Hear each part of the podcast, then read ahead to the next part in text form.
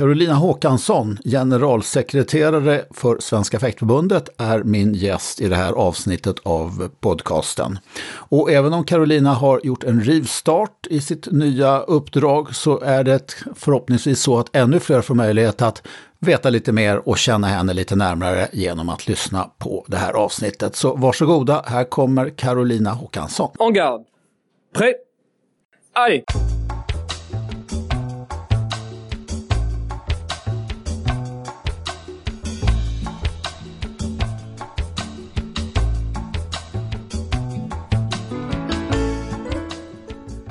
Då säger jag välkommen till fäktpodcasten Bakom masken på Carolina Håkansson.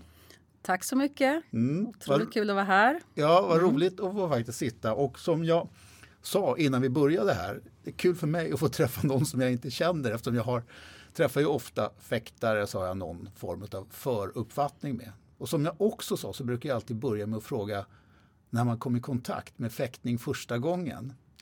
Den, den frågan är ju inte då riktigt lika kanske lätt att svara på för din del. Men eh, kan väl börja fråga så här, den heter Bakom masken på, den här podcasten. Har du haft masken på? Har du fått möjlighet att ha masken, fäktmasken på någonting ännu? Ja, jag har haft en mask på för att känna av hur det känns. Eh, både här på kansliet tillsammans med Engla. Eh, och jag har faktiskt eh, fått testa att fäkta, men med plastvapen då här. Alltså. Jajamensan. Eh, men jag har också varit i kontakt med fäktning innan då jag har jobbat mycket i Åkesåshallen där Ängby, Ängby fäktklubb är. Mm. Eh, så jag har alltid varit nyfiken och tittat in i träningssalen och ibland förbarmat mig över att eh, Åkesåshallen är fullt av fäktare när vi då på den tiden ville vi ha basket där inne. Mm. Så att um, det är ungefär den. Men jag har som sagt inte provat på riktigt. Mm. Hur ser din egen idrottsbakgrund ut? Var kommer du ifrån idrottsmässigt? Alltså, jag har alltid idrottat väldigt mycket, men den sporten som jag fastnade för eh, jag skulle säga att jag fastnade för basket när jag var väl 11-12 år sådär på mm. riktigt eh, och såg det som en sport att eh, fortsätta med och satsa på.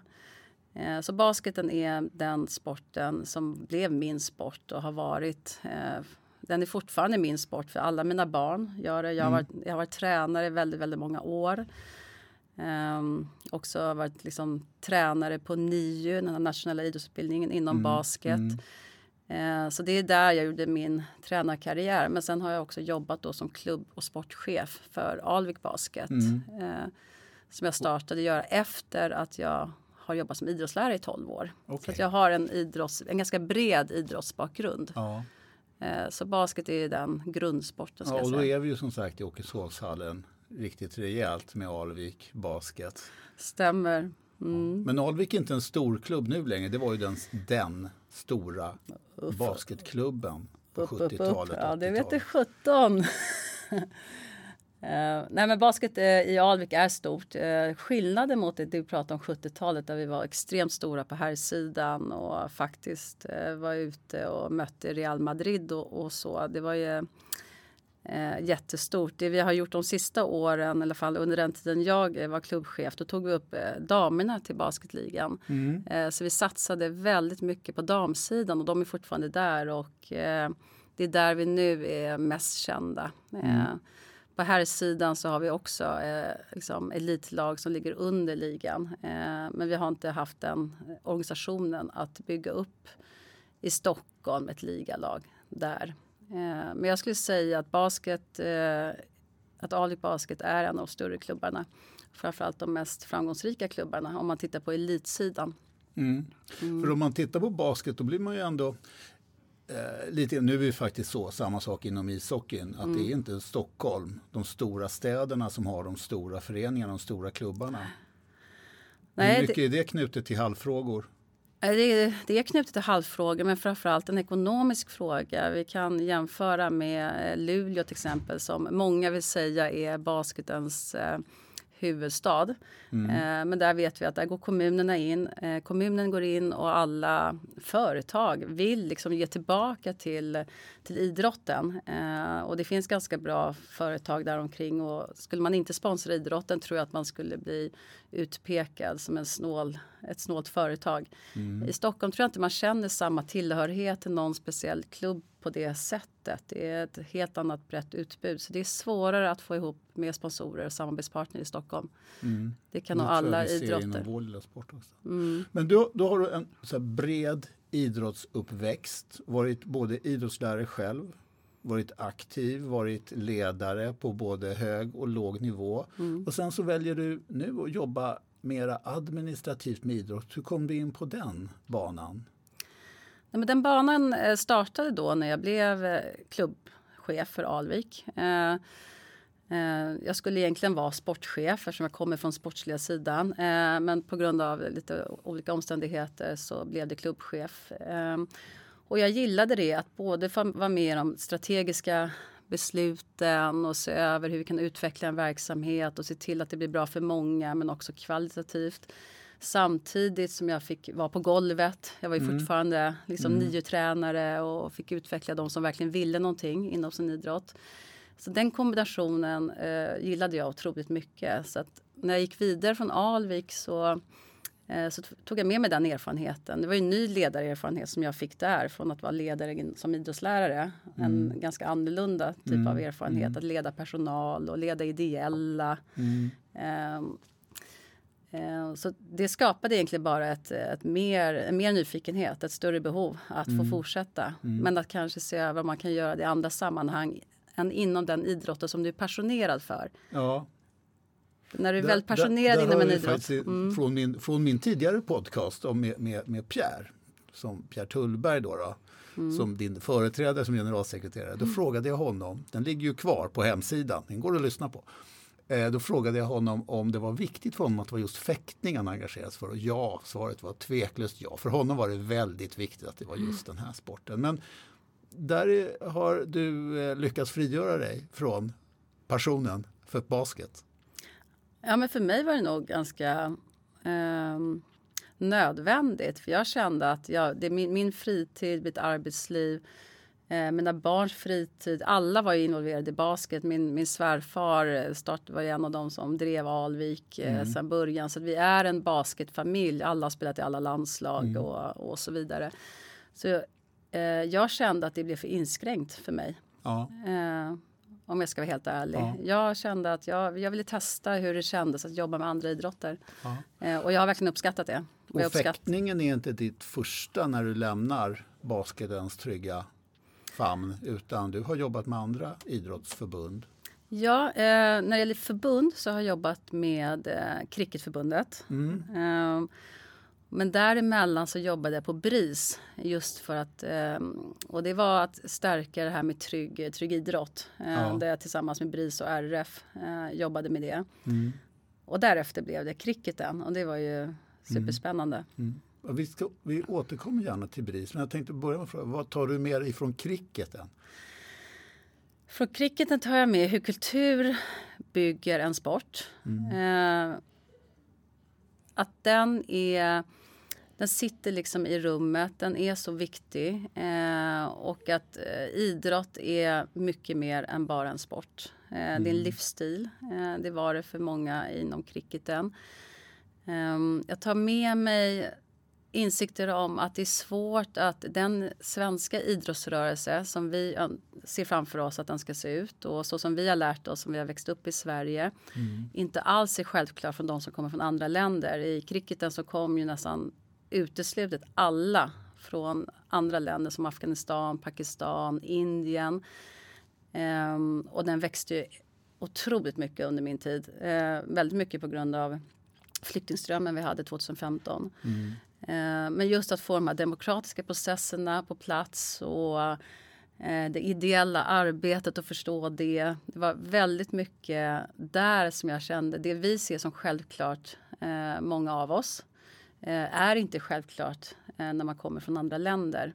Och där behöver vi hjälpas åt i Sverige med kunskap och ha tålamod och se till att vi inkluderar in mm. eh, andra människor. Eh, jag tyckte det var fantastiskt att jobba med de människorna inom cricketen. Mm.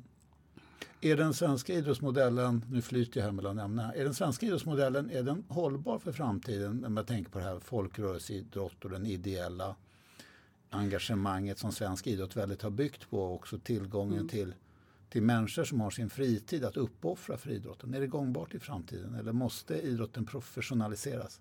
Nu kastar jag dig in i en nej, men det är, nej, men det är en fråga jag har tänkt på ganska, ganska mycket. Men jag, jag vill tro det.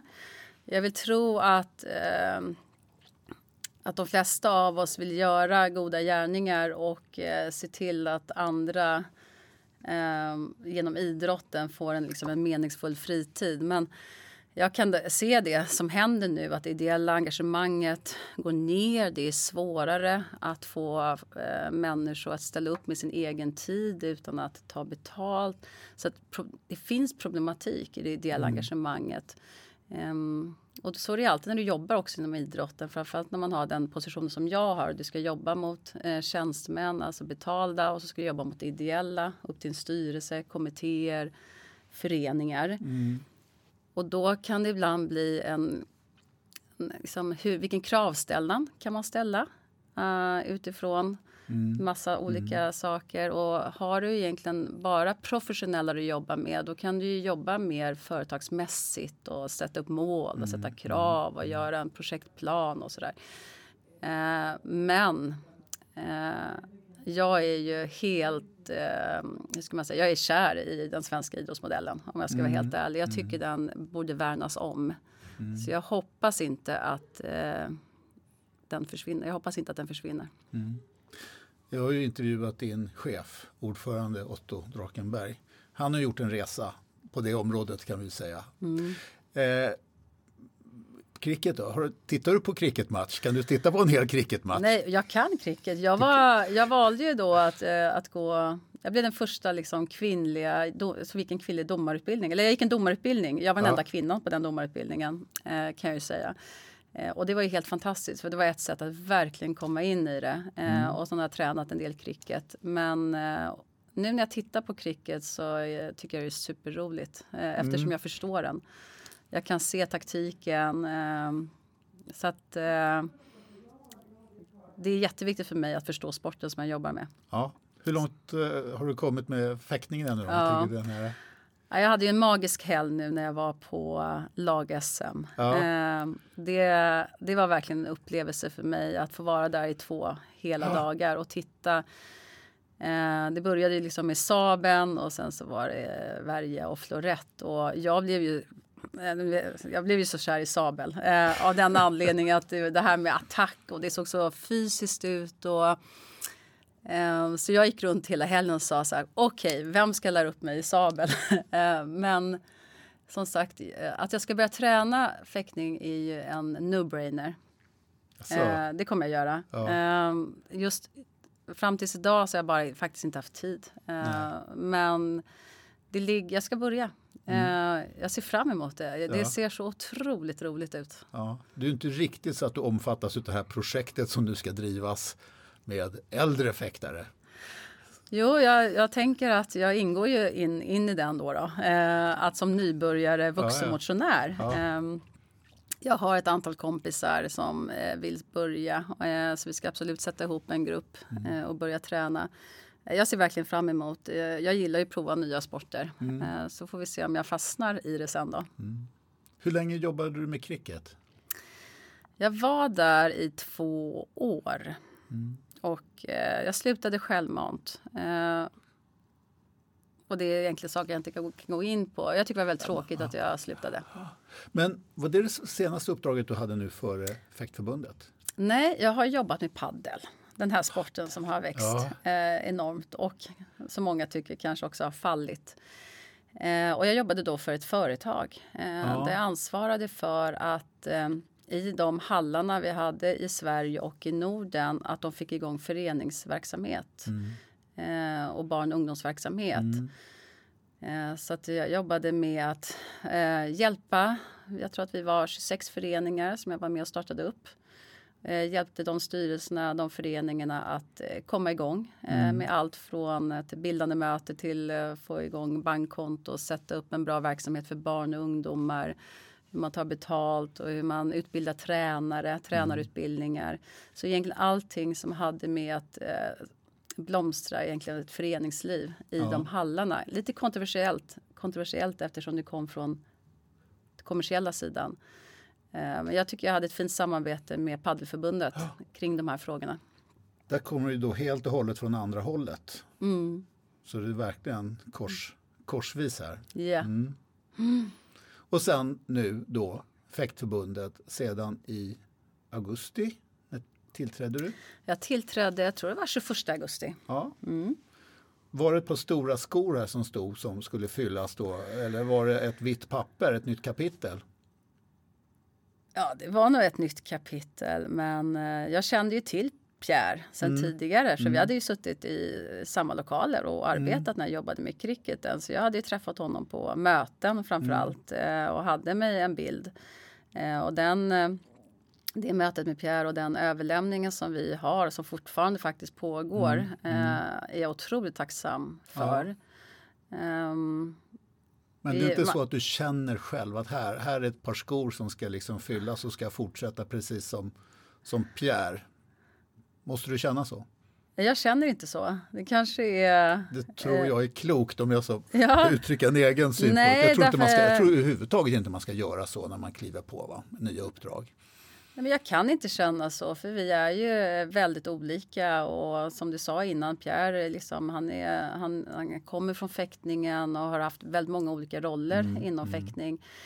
Eh, otroligt kunnig och vet allt eh, kring det. Jag har en annan ingång in som, eh, eh som jag eh, känner mig trygg i. Eh, och hur, vad jag vill förmedla och hur jag tar mig an den här uppgiften. Så att, det är otroligt utmanande men just nu känner jag bara att det är, när någon frågar mig hur det är så säger jag bara att det är superkul. Det är otroligt mycket för mig att förstå och sätta mm. mig in i. Men det stödet jag får runt omkring eh, och den tryggheten jag känner mig själv gör att det känns väldigt mm. stimulerande. Mm.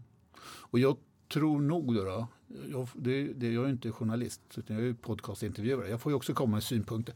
Jag tycker att det är väldigt positivt. Jag tror också att det är väldigt positivt, inte bara just i det här fallet utan generellt att när det kommer någon med annan erfarenhet att man tar med sig av de erfarenheterna själv och bidrar med, med mm. någonting annat. Mm. Så att det, det, det, tror jag verkligen och det, det tror jag också att du har full eh, väldigt bra bakgrund för, för att bidra med. Ska vi, om vi går nu till, till fäktningen. Mm. Eh, är vi en, är vi en vi ser oss som speciella, det, det, det kan du inte säga emot. Utan det måste du hålla med om oavsett vad du har för andra erfarenheter. Nej, men fäktningen, både som fäktare, personer, individualister så är vi speciella och förbundet måste naturligtvis också vara väldigt speciellt med det. Hur, vad ser du för, vad ser du för, för, för vi börjar med, vad heter det? För, inte behöver inte prata förbättringspotential, men vilka utmaningar och så. Vad, vad, vad, vad, ser du när du kommer in? Både mm. positivt och negativt? Jag ser att eh, jag ser ett väldigt välskött skött förbund. Alltså, mm. det, det, finns väldigt mycket tradition. Eh, eh, förbundet har ju funnits så otroligt länge. Det finns så många som har eh, fått liksom en, en eh, någonting otroligt meningsfullhet. Liksom, de fäktare jag träffar idag, både de som har varit inom fäktning men som eh, är där idag. Man känner att det finns eh, en, en, kultur som är väldigt stark. Eh, och den kulturen håller jag på att lära känna. Mm. Fortfarande mm. skulle jag säga. Eh, jag tycker det är positivt eh, att den finns. Det jag eh, Eh, gör ibland är att jag kanske ställer de här, jag kan fortfarande leka lite dum eh, lite här och där och ställa de här eh, kanske dumma frågorna för någon annan. Men för mig är det öppna frågor för att se så här, är det här hållbart att fortsätta med eller är det här hållbart att att stanna kvar i den här typen av rutiner, de här typen av traditionerna för ett förbund som eh, har ambition att vilja utvecklas. Mm. Att vilja bli fler eh, som hittar in till fäktningen. Att vi ska lyckas med strategihuset som ändå alla medlemmar har ställt sig bakom. Mm. Um, uh, för den viljan upplever jag finns. Uh, om jag ska säga någonting som jag uh, verkligen också ser det är att, ehm, att, och det ser man i många förbund, att det finns någon slags vi och dem, förbund, föreningar eh, eller föreningar med, mot föreningar. Det finns en hel del meningsskiljaktigheter, vilket det måste finnas, för alla är olika. Men jag tror att den här riktningen vi ska ta inom svensk fäktning, den känns i alla fall för mig som så här, det här är det vi vill. Eh, eh, de flesta vill att vi ska komma tillbaka på den stora arenan eh, mm. medaljmässigt. Eh, de flesta vill att vi ska växa, bli fler och att vi ska kunna behålla de som kommer in i fäktning. Att man ska trivas inom fäktning och stanna kvar livet ut. Och att vi ska bli starkare organisation så att vi kan hantera det här och kanske attrahera sponsorer och andra som ser värdet i att eh, samarbeta med Effektförbundet. Eh, och för att klara det med ett sånt litet förbund så eh, kommer jag vilja jobba för att vi får en mer vi vi-känsla. Alltså förbund, föreningar, alla runt omkring. Att vi vågar liksom släppa på lite prestiger för att ta oss framåt. Mm. Det är ett önskemål eh, som jag kommer jobba efter. Mm. Men har du hunnit vara ute i klubbarna någonting ännu då? Prata, prata med folk eller har du fortfarande mest lyssnat in nu vad andra förbundsföreträdare kommer med för sanningar? Nej, jag, har, jag valde ganska snabbt att vara väldigt tillgänglig eh, mm. för att eh, inhämta ett eget eh, sätt att se på det här nuläget vi är i. Så jag har haft otaliga möten. Jag har träffat väldigt många föreningar. Eh, både träffat styrelser, eh, tränare, aktiva. Eh, men även människor som har tidigare liksom jobbat inom fäktning för att mm. ta reda på liksom deras erfarenhet och, och så. Så att de här mötena har varit jätteviktiga för mig. Och framförallt att också ägna ganska mycket tid till, till mina medarbetare. Mm. Eh, eh, se till liksom att så här, vad, vad ni för kompetenser? Vad har vi för kompetenser tillsammans? Eh, hur kan vi mm. jobba så att liksom ett plus ett blir tre? Alla dessa kommittéer eh, som är, lägger väldigt mycket tid ideellt. Vad, vad är deras uppdrag? Hur kan jag samarbeta med dem på bästa mm. sätt? Eh, så att, nej, väldigt många möten. Jag har träffat otroligt många människor inom fäktningen ja. skulle jag säga. Och, har jag, och jag har haft ditt namn länge att jag ska träffa dig. Så jag är väldigt glad att vara här idag. Ja, ja du har dykt upp överallt. Men jag tänkte, det kanske är faktiskt ett väldigt bra tillfälle i en podcast så här med generalsekreteraren och lite grann beskriva hur Fäktförbundets struktur ser ut. Vad, mm. Hur det går från det högsta beslutande organet, mm. styrelse, eller årsmötet och sen styrelsen och sen mm. så kansliet. Hur, Nej, Hur är, är, vi organiserade ja. rent allmänt på det viset? Nej, men ett förbund är, har ett antal medlemsföreningar. Eh, mm. I vårt fall är det idag 53 föreningar. Mm. Vi balanserar på den här 50 föreningsgränsen mm. som ja. RF har som någon sorts riktmärke. Mm. Det är en ganska otäck gräns ja. Eh, och någonting vi måste förhålla oss till. Mm. Eh, där man då tar beslut på en, i mitt fall då så blir det framförallt viktigt att man tar ett beslut på en verksamhetsplan. Det vi kallar för strategiska initiativ inom fäktning, lite nytt för mig. Eh, och en budget. Mm. Och den ska jag verkställa i mitt ansvar tillsammans med min personal. Men inom Fäktförbundet har vi också ett antal kommittéer. Det är tävlingskommittén, eh, KLL, alltså landslagskommittén. Mm. Eh, vi har en domarkommission. Eh, vi har kommunikation och marknadsföringskommitté. Eh, och sen har vi haft någonting som heter kommittén för föreningsutveckling och utbildning. Den är nu lagd på mig och kansliet där jag själv ska bilda med kunniga personer inom olika områden för att lyckas med det. Och de här kommittéerna jobbar eh, utifrån ett antal då strategiska initiativ, eh, verksamhetsplan eh, och göra det som mötet har bestämt, alltså våra medlemmar. Mm. Ehm, eh, och det är ju väldigt inspirerande för där finns det då så här, det här ska vi lyckas med, det här ska vi göra. Det finns såklart målsättningar, eh, framförallt utifrån strategi då 2028 som är satt i Fäktförbundet. Mm eh, där alla strategiska initiativ utgår ifrån. Vi ska ju nå dit på något sätt. Eh, eh, så att mitt ansvar som generalsekreterare är att leda kansliet mm. Eh, och se till att våra kommittéer, eh, att det sker en bra kommunikation och arbetsmiljö för dem och där, vi går, där jag går in och stöttar eh, i de områdena där jag kanske har kunskap och vilja mm. att kunna hjälpa till operativt. Mm. Eh, och sen är det ju såklart eh, de viktigaste av allt är ju föreningarna. Ja. eh, att man har ett bra samarbete med dem och eh, däremellan har vi då SDF, alltså det som vi kallar för distrikt. Mm. Eh, specialdistriktsförbund. Eh, och de har ju också en viktig roll att, att fylla, att säkerställa att deras distriktsföreningar är hållbara. Eh, just idag är det ju mycket med att man har tävlingar i distrikten som fungerar och så. Eh, och jag är fortfarande, eh, ett av mina största uppdrag nu från och med nu och framåt är just att eh, kartlägga och se över distrikten. Hur de jobbar och hur de kommer vilja jobba längre fram och faktiskt se hur tar vi oss dit. Mm. Eh, för i grunden handlar det om att föreningar ska kunna växa och behålla. Mm. Mm.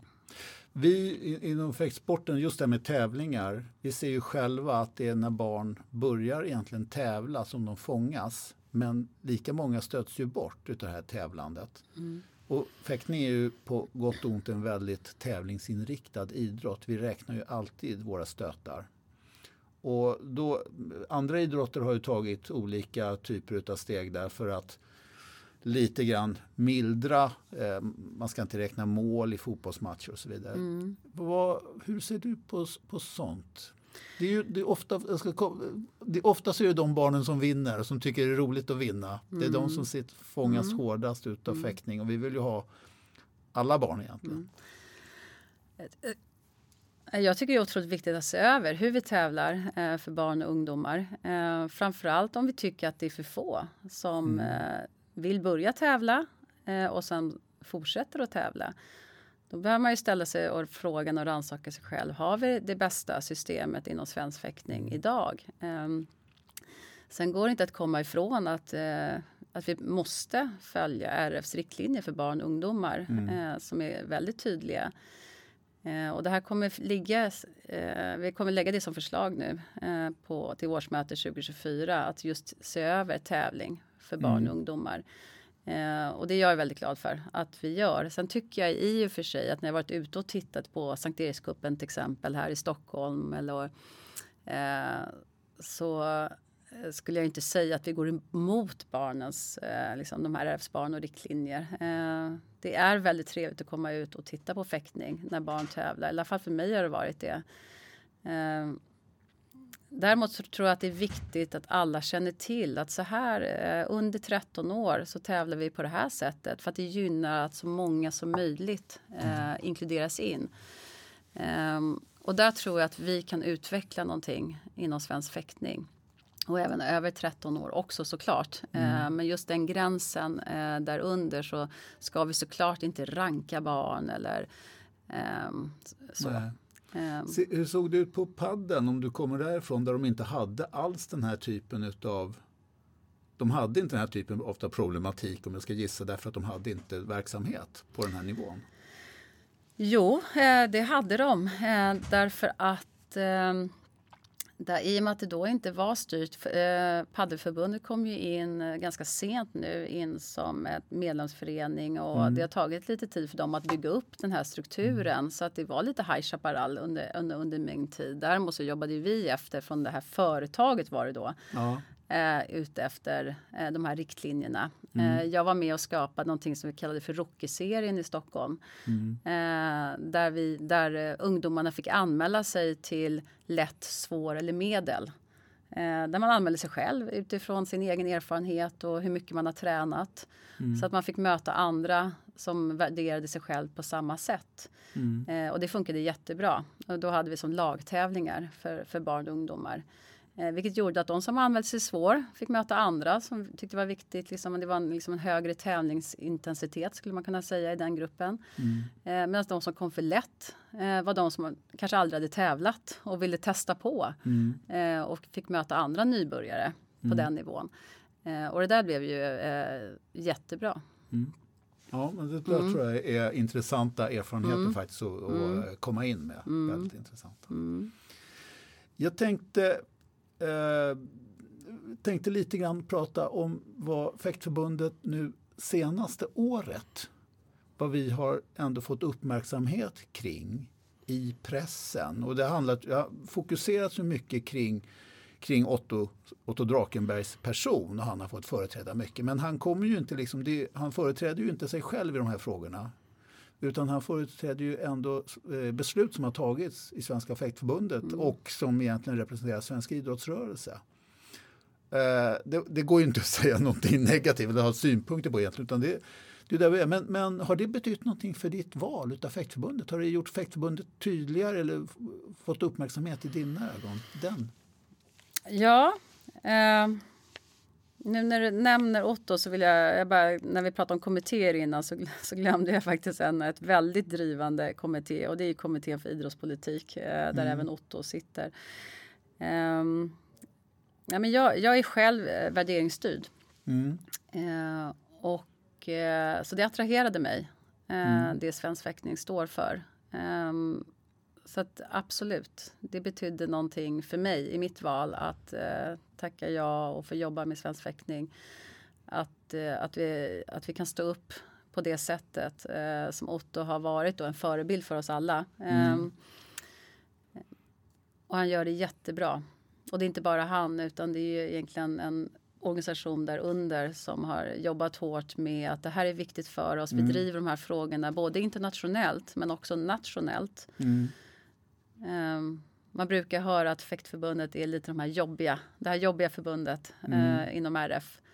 Uh, eh, jag tror däremot inte att RF tycker så, uh, utan tvärtom. Det är, det är viktiga frågor som, som vi tar upp. Mm. Um, och jag är i den processen att jag sätter mig in i, i det just nu. och har varit väldigt glad att vi har människor inom svensk fäktning som driver de frågorna just nu så att jag har kunnat koncentrera mig på mycket annat som jag tycker mm. varit viktigt. Mm. Eh, så jag kommer mer och mer in i det och kommer säkerligen kunna även stå i bräschen och, och prata de frågorna som är viktiga för oss. Eh, men just idag skulle jag inte välja att göra det för jag är inte tillräckligt insatt mm. exakt hur mm. vi tänker. Mm. Uh, men ändå att profilera sig just på det här sättet. Alltså nu, det, det är ju två saker. Att nationellt har vi ju profilerat oss. Eller vi mm. har fått mycket uppmärksamhet, positiv uppmärksamhet. Eh, och det, det, tror du att det har varit bra för, för lilla fäktförbundet ändå att få, få den nationella uppmärksamheten? Eh, eh, väldigt bra. Eh, jag hade önskat att vi hade mobiliserat och använt oss av det lite mer. Ehm, eh, när det gäller externa eh, samarbetspartner. Jag tror att väldigt många har sett det här och, och skulle vilja kanske kunna förknippas med oss. Mm. Att vi har den här värderingsstyrda delen. Det jag försöker säga är att eh, någonting som jag verkligen kommer se över nu är så här, hur, eh, hur ska vi använda den här liksom, eh, exploateringen av oss själva på ett positivt sätt. Mm. Eh, idag händer det, idag eh, syns vi inom de här frågorna. Och det är klart att det är ju inte inom sporten fäktning att vi gör resultat på världskupper eller på det sättet. Eh, men vi gör ett avtryck mm. som är viktigt. Och där tror jag att vi eh, behöver använda oss av det eh, på ett bättre sätt än vad vi har gjort fram tills idag. Mm. Mm. Ja, men jag är nog eh, på samma, på samma spår. Sen så internationellt är en fråga som, som är svår att diskutera både för dig och för mig. Men eh, alltså, vi har ju gjort oss lite grann inte obekväma där också genom de här frågorna. Det, det, mm, men det tror jag inte vi har något negativt utav. Utan det tror jag vi har bara också i, långa, på lång sikt positivt. Mm. Tänkte runda av lite grann, men privat, dina barn, de spelar fortfarande basket? Ja, inte alla. Nej, hur många barn? Jag har fyra barn. Ja. Um, och Ludde som är 27 år, han har ju varit basketproffs jättelänge ja. och bor i Spanien okay. eh, och spelar där. Och mm. han spelar även för svenska landslaget. Mm. Eh, sen har jag en till dotter som har använt sin basket på ett väldigt positivt sätt. Hon var och tog sin master i USA. Hon fick scholarship då, eh, mm. college. Men valde att satsa på karriären när hon kom hem nu, 26 år gammal. Sen har jag en härlig 18-årig tjej och hon eh, fick avbryta sin basketkarriär på grund av jättejobbiga skador. Eh, Väldigt tråkigt, men hon har hittat annat i livet. Och sen har jag en 16-årig tjej som satsar 110% på basket. Vad kul! Så, ja. Ja, så att eh, ja, men lite så här. De har fått, de har fått med sig det eh, genom familjen. Eh, men de provade också väldigt många olika sporter. Eh, men det är klart att både jag och min man har ju tränat dem alla från början. Ja. Så är det ju. Alltså vi, har ju, vi har ju samma i fäktning. Jag ser ju många familjer där fäktningen går som en, en gemensam faktor i hela familjen och det går vidare från, från far till son. Det finns ju många. Och till dotter. Mor till dotter, mor till son. Så det finns ju många sådana exempel. Och det är ju faktiskt en av de roliga bitarna med idrotten också. Att man, att man har det som en, en grej för hela familjen. Ja, ja det är otroligt kul. Eh, Så är det. Så att, eh, ska åka ner till Lund här nu efter nyår eh, och passa på att träffa lite fäktmänniskor samtidigt som jag ska vara med och eh, hjälpa min yngsta dotters lag då, då att Ja. spela en Lundaspelen, en turnering där nere. Eh, Så då kan jag få ihop två bra saker samtidigt, tänker Ja. jag. Carolina, det var eh, jättetrevligt. Eh, jag har inte några fler frågor. Nej, Jag är stum. Nej, så är det inte. Nej, men det var väldigt trevligt att få sitta ner och prata. Tycker, är det någonting mer om Fäktförbundet som vi ska försöka förmedla ut? Eller har jag lyckats i alla fall svepa över ganska så, ganska så eh, översiktligt? Ja, men jag skulle ju gärna vilja lite längre fram att vi gör det här en gång till. För då kanske jag har lite mer att förmedla ehm, ut. Eh, för det kommer att absolut finnas. Eh, men jag är tillgänglig. Eh, Väljer att vara tillgänglig för jag tror att det är viktigt just nu.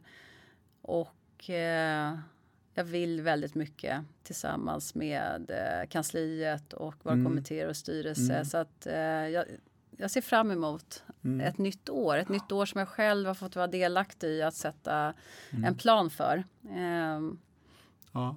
Ja, men jag hoppas att min lilla podcast här i alla fall kan hjälpa till och eh, göra ditt ansikte lite tydligare och din röst lite tydligare för många i, i Fäkt-Sverige att det finns att lyssna på. Och jag tar gärna en intervju lite längre fram. Tack så mycket. ja, men tack för att jag fick vara med. Superkul.